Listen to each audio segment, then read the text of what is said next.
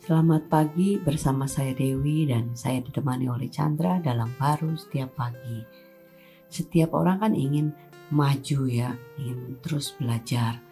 Dan uh, ada seorang Nikodemus, dia itu seorang pemimpin agama yang seharusnya sudah uh, tahu semuanya. Nah, dia bertemu dengan Yesus, dia ingin juga untuk uh, belajar lagi.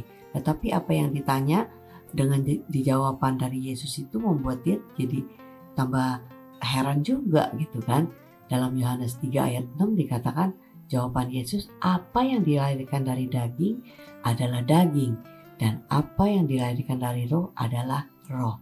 Wah kayak pertanyaannya Nikodemus dengan jawabannya Yesus tuh jadi kayak berbeda banget gitu kan. Iya, karena dia berpikir kan belajar dari orang yang berpengalaman biasanya kan dikasih tahu apa yang you harus lakukan hmm. baru kamu bisa uh, menjadi seperti yang uh, dia atau setidak-tidaknya lebih baik daripada sebelumnya gitu tapi yang uh, dia sebutkan ini uh, bahwa kalau kamu mau uh, yang seperti saya lakukan you harus lahir baru hmm. uh, karena ini berbicaranya bukan uh, uh, you bisa Nah, tapi satu kehidupan baru. Ya kan kalau uh, misalnya ulat ajarin ulat, ya sejauh ulat. Hmm. Tapi kalau lahir baru, ya kupu-kupu ya ajarin dia berbeda. Hmm. Nah, sejauh kupu-kupu itu.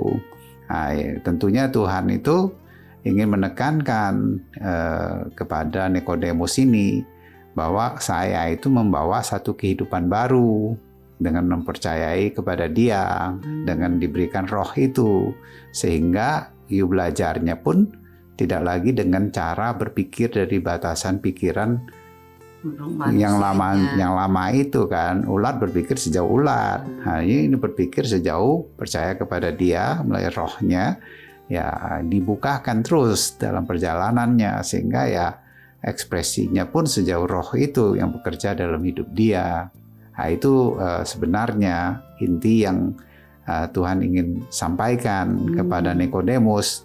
Ya, sebenarnya kalau you mau berprestasi seperti Tuhan Yesus itu, nah ya, you perlu lahir baru. Dan kita tahu bahwa kita ini uh, menerima Tuhan Yesus itu suatu kelahiran baru, hmm. bukan menunggu mati baru mengalami kehidupan hmm. baru itu tapi sebenarnya sudah punya kehidupan baru, hidup dia, kekekalan dia.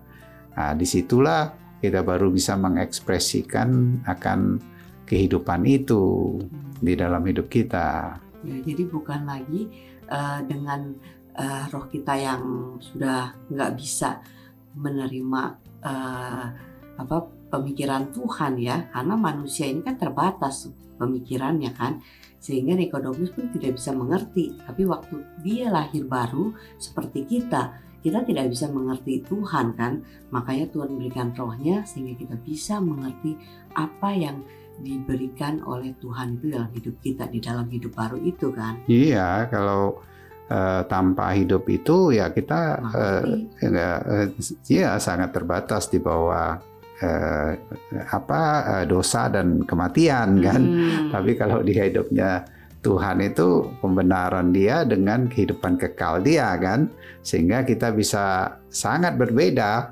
eh, cara berpikirnya bukan lagi sejauh kita dengan kekuatan kita, tapi percaya kepada Kristus dengan hidupnya dia, kita bisa mengalami perjalanan hidup yang sangat penuh dan melimpah eh, dengan rasa yang enak dan ringan ya di dalam wow. segala situasi kondisi yang ada. Wow, amin. Amin.